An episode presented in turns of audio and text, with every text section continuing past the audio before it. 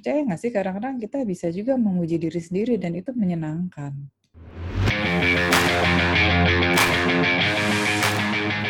Hai, gue Dara. Aku Ami. Dan ada Uge di sini. Dan kalian lagi dengerin Podcast podcast Size Day. Pas tuntas. Mental. Olahraga.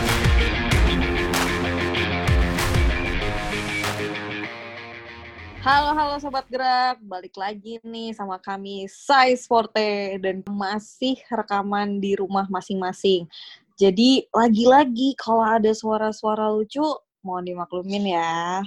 Oke, so absen dulu yuk teman-teman. Dara ada, Yuk. Mbak Ami ada, Ada dong.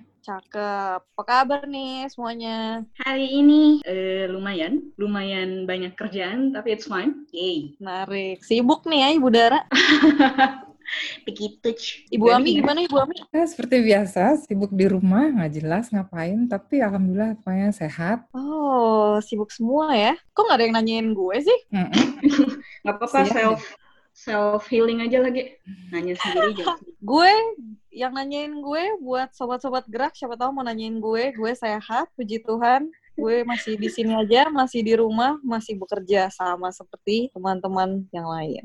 Oke, topik kali ini kit- kami akan bahas mengenai apa nih kira-kira? Ada yang tahu? Ya udahlah ya langsung pasti tahu aja kita bakal bahas tentang motivasi Cela. Nanti kami akan share tentang gimana caranya munculkan motivasi. Nah, salah satunya itu. Cakep nggak tuh? Mumpung lagi pada di rumah aja, jadi gue yakin banget nih pasti juga pada butuhkan topik ini buat munculin motivasi olahraga di rumah gitu salah satunya. Penasaran nggak? Kalau penasaran dengerin aja dulu. Eh, jadi gini sih, Gi, salah dua. Ada dua hal yang sering diomongin nih sama sobat-sobat waktu lagi WFH atau sejak karantina ini. Yang pertama bosan, yang kedua mager. Nah, hal itu juga soal mager ini ya, soal motivasi ini juga sering banget ditanyain kalau misalnya aku di- lagi di eh, tim kantor gitu. Kayak, Mbak gimana sih caranya untuk memotivasi diri berolahraga, terutama kalau lagi masa-masa kayak gini? Karena apa? Karena semua orang yang biasanya outdoor mungkin olahraganya jadi dirumahkan, terus mager. Yang nggak biasa olahraga, makin mager. Nah, padahal itu rembetannya bisa panjang nih, karena bisa malah misalnya kayak mengganggu imunitas, padahal kan olahraga tuh diperlukan juga nih untuk menaikkan imunitas, terus bikin mood booster juga. Nah, yang menarik adalah biasanya semua orang udah tahu, nggak usah disebutin lagi olahraga tuh fungsinya apa untuk kesehatan fisik maupun mental. Nah, cuman nggak tahu kenapa nih susah banget buat ngatasin mager isu motivasi cara mulainya gimana dan cara untuk mempertahankannya. Karena biasanya nih ya Mbak Ami ya dan mungkin pernah ngalamin juga itu untuk menjadi sehat tuh biasanya jadi resolusi tahun baru yang paling banyak untuk sehat untuk olahraga. Cuman biasanya gym-gym pun ramenya cuman sampai Januari terus sisanya ya ya udah jadi member bayangan jadi mungkin kami akan membahas seputaran itu sih untuk kali ini karena banyak banget di lapangan, baik sekarang waktu lagi COVID maupun secara general. Begitu. Kalau dari Mbak Ani gimana nih di atlet, di pro atlet Iya, kebanyakan sih kalau dengar dari atlet serba salah juga ya. Apalagi kalau di aku kan eh, olahraganya tuh di outdoor. Jadi harus latihan di outdoor. Terutama di rafting kan, karena kebanyakan dengar dari atlet rafting. Mereka jadi atau kami jadi nggak bisa latihan di latihan teknis ya di sungai. Nah, eh, beberapa cabang olahraga yang lain juga kan pasti harus ke outdoor juga. Nah, paling bisa latihan otot aja, penguatan otot atau supaya tetap bugar aja. Tapi latihan teknisnya pasti nggak bisa dilakuin. Seperti misalnya atlet renang pada nggak bisa berenang. Banyak kan tuh video atlet renang malahan kayak berenang di atas meja gitu. Lucu-lucu juga sih di atas kasur. di atas kasur. Oh, terus gitu atlet panjat tebing tuh pada latihan apa eh, manjat di meja gitu mereka muter-muterin meja itu lucu banget sih. Tapi ya pasti nggak bisa latihan teknis yang sebenarnya di lapangan. Terus juga beberapa atlet yang udah masuk harusnya masuk pelatnas banyak yang dirumahkan. Itu berarti eh, dana juga terhenti terus juga programnya juga terhenti. Makanya ini banget apa dilematis gitu. Oh ya terus juga kan event-event banyak dimundurin Nah, itu kan Hmm. jadi kacau ya. Kita tetap harus fit, tapi juga nggak ada tempat latihan. Terus nanti Hmm. kalau misalnya apa karantinnya selesai, kita udah harus siap gitu untuk lomba. Dilematis deh. Kesian juga atlet-atletnya. Oke, keren ya masalah-masalahnya macam-macam. Kalau tadi Mbak Ami bahas mengenai atlet yang terpaksa dirumahkan, yang mereka kan kondisinya dari semangat banget, terus mencari cara nih gimana caranya gue bisa tetap latihan, entah muterin meja lah, entah berenang di atas meja juga mungkin gitu. Itu kan dari yang termotivasi banget, jadi mungkin mulai turun tuh motivasinya. Nah, yang menarik gue pengen omongin tentang poinnya Dara tadi. Ada yang dari mager makin mager. Nah, yang gini-gini nih paling sering gue temuin sih di sekeliling gue. Jadi banyak banget orang-orang yang ya salah satunya gue mungkin ya. Gue kan orangnya gampang-gampang demot nih. Gue mau mulai olahraga lagi, tapi alasannya ada aja gitu. Kayak udah jalan, awalnya doang panas awalnya oke okay, gue semangat nih pokoknya hari ini gue harus bisa ngapain push up gitu 50 sip awalnya 50 besoknya naikin lagi besoknya naikin lagi. Tengah-tengah kalau ada hal yang menghambat dikit ada aja gitu alasannya. Akhirnya jadi demo kayak ya udah alasannya terus-terus ada aja. Lama-lama bingung juga deh kayak udah stop aja deh kalau gitu Gitu. Nggak, jadi kayak lu sambil berobat jalan nih ceritanya lo bikin podcast kayak Iya, betul, betul sekali teman-teman, sobat-sobat gerak kalian. Iya sih, thank you lo sudah jujur karena pasti banyak banget yang relate. Gue pribadi pun termasuk yang terdampak karena gue kagak bisa latihan pedang. Kosan gue, mohon maaf ya, gue pernah nyobain sih terus kena kaca di kosan gue, jadi hmm, gue stop dulu. Memang itu kita harus pinter lah ya untuk mengakali. Jadi ambiar kosannya ih mau gue serem banget. Ya udahlah jangan latihan dulu. Nah ibu kos jangan sampai ditebas dar. makanya pernah kaca ya allah. Lanjutin dari yang UG nih rata-rata orang-orang juga jadi hilang tujuan sih. Kalau yang lagi sekarang ya hilang tujuan jadinya malah makin demot dan yang tadi yang demot makin demot. Jadi bingung gue juga gimana. Nah makanya kita sekarang coba bahas bareng-bareng ya ada beberapa tips untuk bisa ngatasin ini. Tapi sebelum itu pastinya uh, belajar dulu ya sebenarnya kita bareng-bareng sebenarnya motivasi itu apa sih gitu. Kalau dari mungkin Mbak Ami bisa jelasin soal ini apa sih sebenarnya motivasi? Oke, kalau dari definisinya, definisi itu kita ambil dari Maslow aja deh ya karena dia kan yang pertama kali mengeluarkan teori motivasi. Menurut dia sih motivasi itu terjadi karena orang tuh ingin mendapatkan kebutuhannya dia atau needs ya dia bilang itu. Menurut dia ada lima tuh hierarki needs yang ada pada diri seseorang mulai dari yang paling bawah paling perlu banget orang dapetin adalah kenyamanan secara fisik gitu misalnya makan minum hmm. uh, seks ter, uh, seks termasuk di dalamnya hmm. terus yang di atasnya lagi kan ada uh, rasa aman misalnya dia pengen punya rumah pengen punya baju tapi bukan hmm. yang hal ya pokoknya pakai baju gitu kan supaya dia ngerasa aman habis itu ada juga pengakuan Eh, sosial. Pokoknya dia jadi bisa di bisa gabung dalam satu kelompok ini kelompok itu diakui orang gitu. Nah itu needs yang berikutnya. Habis itu yang di atasnya lagi needs atau kebutuhan untuk merasa percaya diri berharga atau hebat kayak gitu. Hmm. terus yang terakhir adalah keinginan untuk aktualisasi diri deh gitu. Nah kalau dari uraian Maslow Eh, lima hierarki needs itu berarti bisa jadi needs itu munculnya dari dalam atau dari luar gitu. Nggak selalu ada dari dalam. Jadi ada yang inter, intrinsik dan ekstrinsik ya. Dari in, dalam sama dari luar. Kalau dari luar tuh hmm. misalnya perempuan ya, misalnya nggak butuh butuh banget kulit putih gitu ya, tapi kan di hmm advertising tuh dibilang kalau misalnya putih tuh cantik gitu. Kalau cantik jadi kayak diakuin gitu, diterima. Nah, jadi keinginan untuk cantik itu dimunculkan dari luar. Padahal sebenarnya kita nggak pengen-pengen banget terlalu cantik gitu. Biasa aja lah. Uh, aku ambil boleh nggak Mbak? Sebenarnya bagusan dari luar atau dalam sih? Terus um, tiap orang tuh emang punya salah satu atau gimana ya? Sebenarnya kalau dibilang bagus atau enggaknya selama bisa menggerakkan bagus ya. Nah, hanya kalau misalnya di uh, dari luar, nah kalau dia hilang gimana? Misalnya yang selama ini yang memotivasi pacarnya, habis itu hmm. putus. Nah, apakah prestasi kita jadi ditentuin sama sama ada atau enggaknya pacar kan? Hmm. Rugi banget ya. Atau misalnya diiming-iminginnya sama uang. Nah, kalau uangnya nggak ada, jadi hilang kan? Nah, sebaiknya sih dari dalam. Karena kalau dari dalam kan kita sendiri yang mengendalikannya ada atau enggak gitu. Setiap orang emang punya nggak kalau dari dalam? Kalau aku nggak punya yang di dalam terus ya udah emang mau nyari uang doang. Ya maksudnya misalnya kayak keluarga aku butuh gitu. Misalnya banyak nih terutama teman-teman yang atlet bahwa ya memang ya aku memang bekerja untuk menghidupi keluarga kak. Itu gimana? Biasanya orang nggak sadar ya. Nah justru itu harus disadarkan. Apa sih sebenarnya motivasi diri kita yang paling dalam gitu?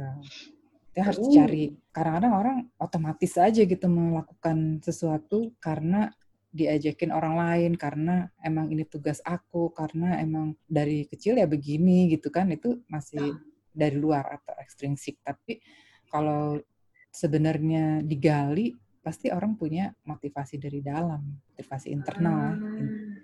lu apa nah, harus digali. Luar gue, dalam kayaknya gue apa ya?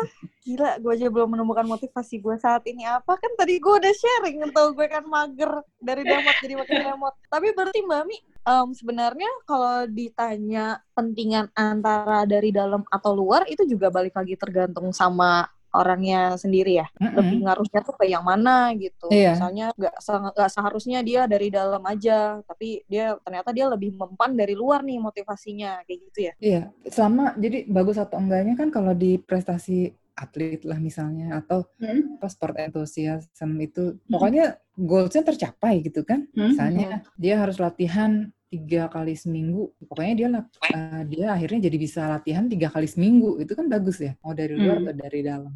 Cuman uh, memang kalau dari adanya motivasinya dari dalam berarti itu lebih lama ya lebih panjang dan lebih mengakar dalam hmm. I see. jadi nggak tergantung sama orang kan? Oke. Okay. nangkep nangkep nangkep nangkep. Berarti ah Hmm, menarik juga sih. Tadi kan Dara sempat nanya nih, emang motivasi lo apa, Ge? Cia, gue masih belum tahu gitu motivasi gue apa. Terus, eh kebetulan Mbak Mi juga sempat bilang nih, goalnya apa nih? Goalnya apa? Bisa ditarik tuh dari dua poin itu. Dara deh, mungkin Dara bisa kasih tahu nih, gimana sih cara munculin motivasi olahraga di orang-orang? Kalau kayak gue yang gue belum tahu nih gimana caranya gue bisa munculin motivasi lagi. Dari Mbak Ami jelasin gue baru kepikiran nih jadinya. Terkadang kita terlalu ngandelin ini sih sob. Jadi terlalu ngandelin dari luar kita terlalu mengandalkan motivator atau mungkin quotes quotes motivasi Padahal sebenarnya di internal tuh udah ada dari dalam diri. So kalau misalnya kami langsung mau bahas soal cara munculin motivasi, nomor satu adalah coba kalian tanya dulu ke diri kalian, lo ngapain sih olahraga? Buat apa? Nomor satu tuh find your why. Karena sesungguhnya motivasi itu udah ada dalam diri kita masing-masing. Bahkan mungkin UG sekalipun nih yang sekarang masih bingung, padahal sebenarnya udah ada, Ge. Cuman tinggal dicari dan dibangkitin. Misalnya yang paling sering, oke okay, aku mau ngurusin badan. Oh biar enak dilihat. Emang kenapa kalau enak dilihat? Apa yang kamu dapat dari situ? Biar aku merasa bahagia. Terus tanya tanya tanya lagi. Karena semakin hal itu personalize makin itu lo banget dan bukan cuma niru-niru orang atau ngikut-ngikut quotes orang itu akan enak banget. Gue kalau boleh share itu uh, aku udah izin sini. Jadi Kak Melani Putri ya dia udah sampai nemu titik core-nya nih. Kenapa dia lari? Itu karena mau seolah-olah ketika Kak Melani lari dia tuh seperti lagi lagi dilihat oleh almarhum ayah dan kakaknya itu dalam banget karena waktu itu dia lagi talk show soal ini semua orang langsung merinding kita yang dengerinnya ngerinding bayangin jadi dia yang lagi maraton mikirin hal itu Nah, bisa sedalam itu sih. Jadi coba pelan-pelan explore dulu dalam diri. Ini sambil kami pun sambil berkaca sih ya sambil dengerin Bami, sambil ngomong kayak gini ya, ya apa ya. Dan terkadang ya ini juga sesuai situasi. Tapi kalau misalnya udah mukornya banget, biasanya dia udah susah banget. Temuin dulu hot buttonnya apa, kenapa, dan itu udah punya lo aja, milik lo aja. Boleh di-share, boleh enggak, yang penting lo sadar soal itu. Begitu sih Mbak Ami. Terus tadi soal tujuan ya, Ge ya. Sebenarnya tujuan ini kayaknya Mbak Ami pernah bahas deh soal goal setting. Itu gimana Mbak? Oke, kalau kita punya motivasi kan jadi harus jelas ya. Kalau misalnya aduh aku pengen kaya, aku pengen langsing gitu, tapi nggak ada plannya. Ya sama aja cuman uh, mengawang-awang gitu, karena nggak tahu kita mesti melangkah dari mana tuh. Kalau ada rencananya yang jelas, jadi kan kita tahu ya langkah pertama yang harus kita ambil tuh apa gitu. Contoh misalnya langkah pertamanya cari informasi browsing misalnya gitu ya atau hubung uh, daftar di uh, gym anu gitu kan itu langkah pertamanya. Jadi tahu tuh langkah pertamanya. Terus namanya goals atau tujuannya itu kan pasti gede banget tuh. Misalnya pengen langsing, pengen cantik, pengen medali, pengen podium gitu ya. atau apa pun lah gitu. Pasti gede banget. Nah itu perlu banget tuh di kecil-kecilin sebelum naik podium apa sih yang harus dilakuin? Sebelum jadi cantik bling-bling gitu apa sih yang harus dilakuin gitu kan? Uh, sebelum jadi juara sebelum jadi sehat. Nah, itu apa sih sebenarnya yang dilakuin? Jadi harus dicacah dulu jadi hmm. apa tujuan antara ya, baik itu yang tujuan jangka pendek, tujuan jangka menengah, tujuan harian kayak gitu supaya benar-benar uh, ketahuan apa yang harus dilakuin. Gitu G udah bukan zamannya glowing sekarang cantiknya bling. memang memang sebenarnya semuanya berproses ya ada tahapannya dulu astaga ya Allah Mungkin ya soal goal setting ini bisa dibahas lebih lanjut lagi ya Mbak Mia. Next time kayaknya menarik soalnya. Gimana itu caranya bikin bang. goal setting ya perlu banget tuh satu sesi khusus. Biar bling-bling. Oh, biar bling-bling kan. yang tadi gue tangkep itu emang harus uh, goalnya bener-bener yang spesifik gitu Mbak Mia. Yang mungkin emang harus di breakdown banget. Uh, untuk mencapai sespesifik apa goal lo menurut menurut gue ini ada hal juga yang cukup penting gitu loh untuk membangun motivasi. Misalnya salah satunya manfaatin nih apa yang lo suka. Karena menurut gue stimulus yang ditangkap di setiap orang tuh bisa beda-beda gitu responnya. Misal nih ya, misal gue sama Dara nih ceritanya sama-sama lagi maraton dan udah di kilometer 27 Waduh, itu kan kilometer-kilometer yang bikin, aduh gimana nih, udah pengen cabut aja deh rasanya. Kayak ngapain sih gue ini, ngapain sih gue lari di sini. Nah itu kan kilometer-kilometer gawat tuh sebenarnya. Nah pas lagi lari nih, tiba-tiba kita berdua disiram nih sama seember air. Kalau Dara responnya kesel kayak ah apaan sih nih kok tiba-tiba ada air.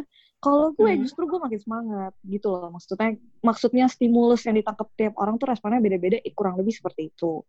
Atau selain itu mungkin kalian bisa kenalin diri kalian sendiri sih. Apakah kalian tuh lebih suka olahraga indoor atau lebih kayaknya lebih enak outdoor deh, lebih seger nih udaranya atau olahraga sendiri atau berdua atau justru ramean gitu.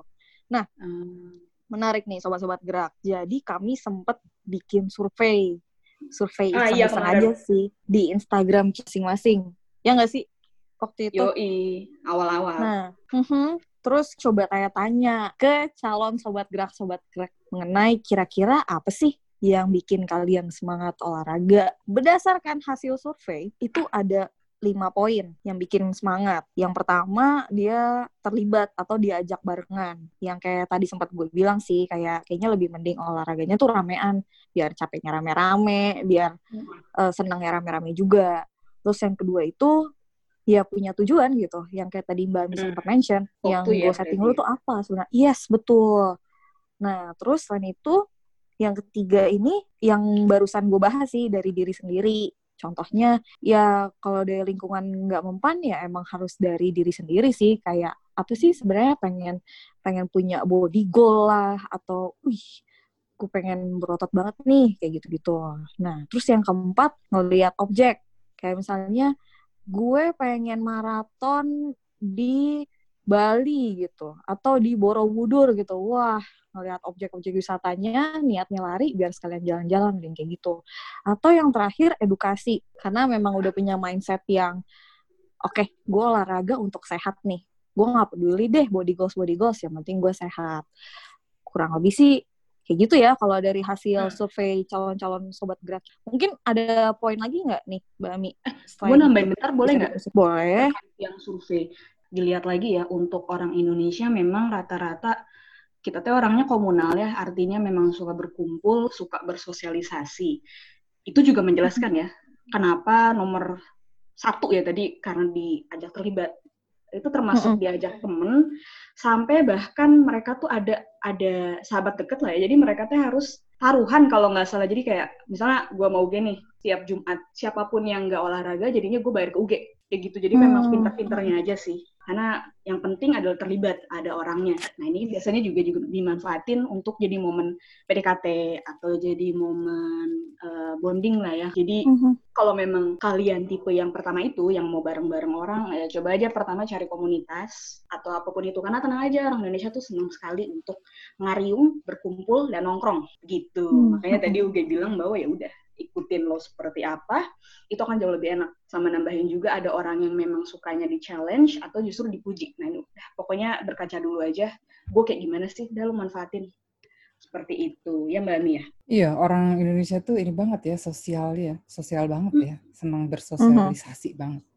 Betul. Nah, terus ada satu lagi nih yang penting supaya bisa kita termotivasi harus ada hadiah kan seneng ya dikasih hadiah ya dari kecil sampai tua tuh kita seneng banget dikasih hadiah hadiah kayak gimana mbak Mi misalnya nih nggak usah gede-gede misalnya nggak usah hadiahnya um, mobil Ferrari ya nggak usah gitu ya susah soalnya ntar hmm. nggak hmm. bikin gak semangat tapi hadiah itu apa yang kita senengin misalnya uh, es krim atau nah makanan tertentu gitu. Eh tapi kalau makanan itu gendut lagi ya. Ah, atau misalnya ya. boleh ya boleh nonton apa gitu yang disukain. Hmm. Bisa jadi mungkin bukan barang juga tapi pujian ya. Pujian itu kan juga hadiah kan. Kalau misalnya like, kita like. harga, ya berapa like gitu. Hmm. Itu juga hadiah tuh. Berarti memang penting banget tuh kita uh, memuji, mendapatkan pujian ya. Hmm. Percaya nggak sih kadang-kadang kita bisa juga memuji diri sendiri dan itu menyenangkan. Hmm. Hmm, iya juga ya. Iya daripada yang muji kan. Nggak apa-apa, ntar kan kayak UG tadi, nanya kabar sendiri, dijawab sendiri, nggak Kayak iya, itu bagian dari memuji diri sendiri loh, nggak ada yang nanyain, oke, okay. nggak apa-apa, bersuara saja. Barangkali besok ada yang nanyain, sih gitu. Hmm. Dan terkadang reward ini tanpa dikasih pun ya sebenarnya teman-teman udah dapetin reward dari olahraga itu sendiri sih. Contohnya adalah dia kan mood buster ya, jadi banyak tuh yang bilang bahwa setelah olahraga stres aku hilang. Jadi uh, dia merasa lebih senang atau udah ngerasa plong. Nah itu pun sebenarnya kalau teman-teman nganggap itu oh ya ini memang rewardku ya ya sudah tidak usah diada-adain juga nggak apa-apa. Jadi memang cara pandang juga kita yang Mbak ya kayak gimana ngelihat uh, efeknya. Iya, iya kan ada hormon kebahagiaan ya muncul ya. Iya, olahraga jadi bahagia. Sering banget tuh di sosmed olahraga membuat eh meningkatkan hormon kebahagiaan. Tapi itu bener sih menurut gue yang tadi Dara bilang juga rewardnya dari diri sendiri gitu untuk melepas stres. Even dulu kalau pengalaman pribadi gue sih, gue dulu emang kalau stres larinya ke olahraga. Terus kayak hmm. entah kenapa itu jadi bikin lebih plong aja gitu. Yes. Cuma nih, Ge, itu semua nggak akan kejadian kalau kalian cuma dengerin podcast ini aja, ya ya aja dan tidak dilakuin. Jadi langkah terakhirnya itu emang ya lakuin. Kumaha caranya bisa ngerasain segala serotonin, mood buster dan segala macam itu kalau tidak dilakukan. Uh, mungkin memang takes time ya untuk ngumpulin motivasi dan segala macam tadi. Oke okay, kalau kalian dengerin tips, tapi yang paling penting tuh langkah kelima. Eh, goal setting juga perlu. Langkah kelima yang paling penting nih uh, yaudah lakuin. Mungkin ini yang paling susah kali ya. Cuman aku pernah baca buku judulnya Habit. Jadi kalau memang misalnya susah banget nih untuk misalnya memikirin uh, langkah-langkahnya atau kepikiran wah besok harus lari 5K segala macam, fokus kalian difokusin ke ya udah fokus untuk yang di depan mata. Contohnya, fokus untuk ganti baju aja dulu. Cara lain adalah ya udah dari semalamnya udah pakai baju olahraga, termasuk buat cewek-cewek sport bra. Jadi sehingga ketika bangun, udah deh, udah nggak ada alasan lagi tuh untuk aduh malas ganti baju segala macam.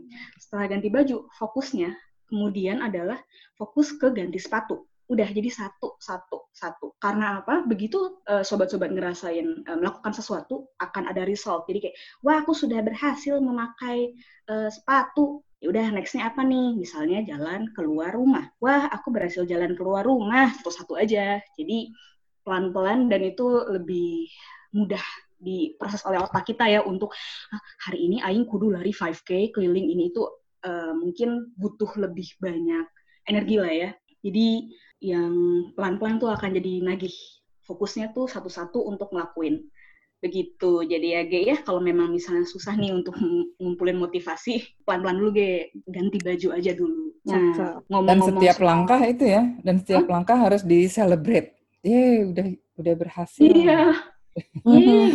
jadi uh, that's why tadi aku bilang jadi ada action ada result. Yeay kemudian malah termotivasi lagi. Oh ya sudah jalani lagi jalani lagi. Nah setelah ada lima poin itu mungkin kita bisa nyoba salah satu praktek langsungnya yang bisa dilakuin sekarang. Mungkin ini yang Mbak Emi yang soal ngasih reward nih. Soalnya aku tertarik nih Mbak soal ngasih pujian diri sendiri. Itu gimana sih? Mungkin ada yang bisa sekalian sobat-sobat juga lakuin nih di rumah. Kalian aku sama Ugi juga mau nyobain langsung live kalau ada sesuatu yang bisa dilakuin Ya soalnya kan murah ya, maksudnya nggak usah benda gitu ya, udah pujian aja gitu. Terus ngarepin orang kan muji kan susah, jadi ya udah kita Hmm. bikin uh, kata pujian buat diri kita Hmm. sendiri aja. Tuh, nah coba deh uh, kita bikin dulu daftar kata-kata pujian yang pernah diterima atau didengar deh gitu, baik itu dari film, dari cerita orang, kata-kata pujian apa sih yang sobat-sobat gerak pernah dengar gitu ya.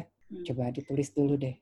Mbak Ami Ada. nanya dong Coba, cobain yuk. Nanya-nanya Mbak Ami, kalau misalnya aku tipe, tadi tuh ada orang yang memang sukanya di challenge, boleh nggak? Jadi misalnya, Dar, masa lo gitu aja nggak bisa? Aku lebih semangat kayak gitu soalnya. Oh, boleh. Nggak apa-apa? Eh, iya, boleh. Nah, tapi ketika misalnya udah men- apa, mencapai challenge-nya dan dia mengungkapkan ekspresi apa ya, seneng ngelihat da- atau bangga ngelihat Dara bisa nyelesain challenge itu apa kata yang diucapkannya gitu. Ah, tuh bisa kan? Gitu. Nah, kayak gitu. Ah, Jadi yang catat itu. Misalnya pernah pernah dengar di film berarti bahasa Inggris dong ya gitu atau bahasa sehari-hari gitu. Nulis berapa Mbak tadi? Mm-mm, nulis berapa? Kita tulis 10 aja gitu. 10. Oke. Oke. Hmm. Jadi kita coba inget-inget lagi nih, apa ya pujian? Misalnya Edun gitu ya. Oke. Hmm. Dan nih ceritanya Oke. Pikirannya tiga dulu, nggak apa-apa lah ya. Oke, aku juga lima. Udah, ada, udah, udah nih ceritanya nih. Dah. Hmm. Nah, misalnya kalau 10 kayak gitu, coba ucapin kata itu ngena nggak gitu. Terus berasa itu buat aku gitu banget nggak gitu ya. Atau misalnya masa kayak menyenangkan nggak dengar kata itu. Kalau nggak, coret. Jadi dari 10 itu kita bikin jadi setengahnya. Jadi 5 deh. Jadi tolong coret setengah dari kata itu. Oke, berarti kita coba kita coba sendiri kata-kata itu kita Iya. ngomong dalam hati terus Iya. benar-benar yang paling enak ya. Mm-mm. Ibuku selalu muji tuh, eh, oh jagoan ibu nih kayak gitu. Nah itu kan berarti kena banget. Berarti jangan dicoret itu. Gitu. Hmm. Oke. Wah, Atau ini main misalnya- rasa banget ini. Iya, atau misalnya kayak aku lari pagi tuh kalau ketemu bapak-bapak, mereka pada bilang, oh Bu Ami hebat masih bisa lari gitu. Nah itu kayaknya enak banget didengar gitu kan, itu jangan dicoret. Ah, Oke. Oke. Kalau udah Hmm. gimana nih? Dah, kalau udah Udah. eh, kita pilih lagi jadi tiga, jadi coret oke. dua di antara. Berarti bisa juga dari kayak um, quotes-quotes motivasi atau misalnya dari lagu. Biasanya kan kayak gitu ya. Tapi Dari yang lirik lagu. Tapi kalau kita udah berhasil gitu ya, maksudnya kalau kita udah berhasil, orang itu menyatakan kekagumannya itu seperti apa gitu ekspresinya. Nah itu, Oke. Wah jagoan, edan eh gitu, keren banget gitu. Nah itu, Oke.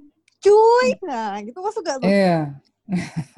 Gila cuy. Nah terus Nah, kalau udah ada- tiga, tiga itu pilih yang paling kena banget gitu. Baik itu satu gitu pilihnya. satu Hmm. aja. Nah kalau udah, Oh. berarti itu deh yang kita pakai kalau misalnya kita lagi demo, misalnya kayak tadi kayak lagi lari di apa kilometer 27 gitu kan. Atau misalnya pas lari maraton harus berapa 42 misalnya gitu kan.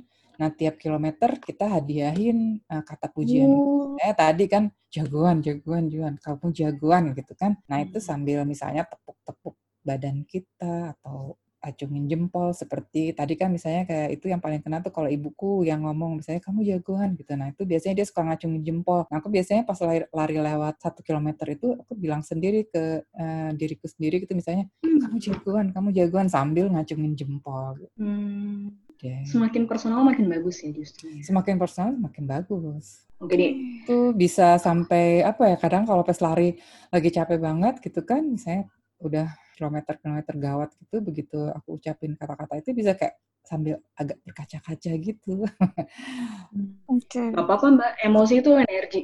iya makanya Emotion is a fuel. Nah ini bisa bahas lagi nih nanti soal emosi di dunia olahraga ya. Tidak perlu dimusuhi. Ngomong-ngomong, betul. Emosi tadi memperdalam goal setting akan ada episode selanjutnya. Oke, jadi tadi kami udah bahas tentang um, permageran yang dari semangat jadi mager, dari mager makin mager, atau ada efek COVID ini, atau mungkin ada atlet yang dirumahkan, dirumahkan means yang tadinya latihan di lapangan, sekarang jadi latihannya di rumah, terus ada orang gampang demot juga, terus ada juga tadi ini ya Mbak Mi, bahas tentang motivasi gitu, kayak motivasi itu apa, kalau tadi aku tangkep sih, kayak secara garis besar intinya motivasi itu kayak dorongan dari dalam diri ataupun dari luar diri untuk dapetin apa yang kita inginkan. Ya semangat lah itu salah satu contohnya, ya kan ya? Mm-mm. Oke, terus bahkan dari motivasi sendiri ternyata ada dua tuh bentuknya. Ada yang dari dalam maupun ada yang dari luar atau disebutnya intrinsik atau ekstrinsik gitu. Kalau dari dalam itu bisa ya gue maunya apa nih saat ini gue pengen body goals lah. Tapi kalau misalkan dari luar, misalnya disemangatin sama pacar lah, coach motivation lah dari keluarga, itu kan ya. Nah, terus motivasi ini ternyata ini tuh turunannya dari teorinya Bapak Maslow. Maslow itu tadi udah sempat juga disebutin sama Mbak Ami. Mhm. Jadi Abraham Maslow ini dia itu psikolog alirannya di humanistic psychology. Mhm. Beliau itu yang bikin Maslow Maslow's hierarchy of needs juga dan dia itu bapak motivasi. Bapak motivasi itu maksudnya dia loh yang bikin teori-teori motivasi ini tuh. Kayaknya sih udah tua banget ya ini dia. Jadi sumbernya ini tadi untuk di motivasi sendiri itu kita sempat cek di simplypsychology.org yang tadi sempat dijelasin sama Dara itu ngambilnya dari buku namanya The Power of Habit by Charles Duhigg. Semoga aja nggak salah ya gue nyebutnya.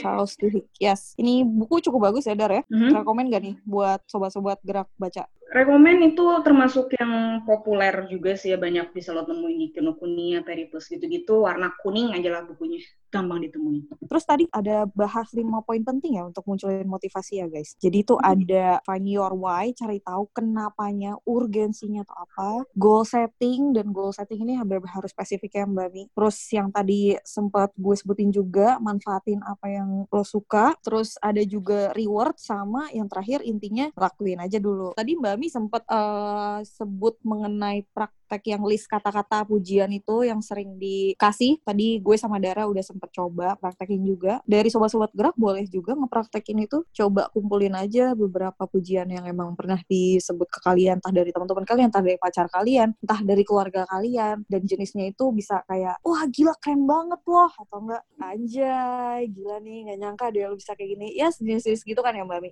Mm-mm. Yang bener-bener ini deh bahasa kita gitu. Oke, ntar kalau udah dilisin, habis itu pelan-pelan dicoret satu-satu sampai akhirnya dapet satu kata-kata yang paling ngena banget di kalian gitu. Nah, kata-kata itulah yang bisa menjadi salah satu bahan untuk dipakai pas kita lagi tiba-tiba demot ya, Mhm. waktu olahraga. Mm-mm. Ada pertanyaan sampai sini, sobat-sobat gerak sekalian? Kalau misalkan emang ada pertanyaan dan bingung mengenai bahasannya, boleh langsung aja sebut pertanyaan kalian di Instagram kami. Pastiin kalian udah follow IG kami, terus kami juga akan ngasih info-info di sana secara berkala ya soal psikologi dan olahraga. share juga gimana pengalaman kalian setelah mendengarkan podcast kami biar kita bisa saling belajar. Kalian cobain tuh praktek yang tadi Mbak Ami sempat share. Kami pengen tahu banget nih kalau kalian apaan aja sih list-listnya. Kami juga pengen tahu satu kata yang benar-benar memotivasi kalian itu kata-kata seperti apa. Nah, bisa banget kalian foto atau kalian videoin terus kalian post di story kalian, Instagram story maksudnya, di tag at. Nanti akan kami repost. Oke, jangan lupa untuk tetap gerak, sob. Bye. Bye-bye.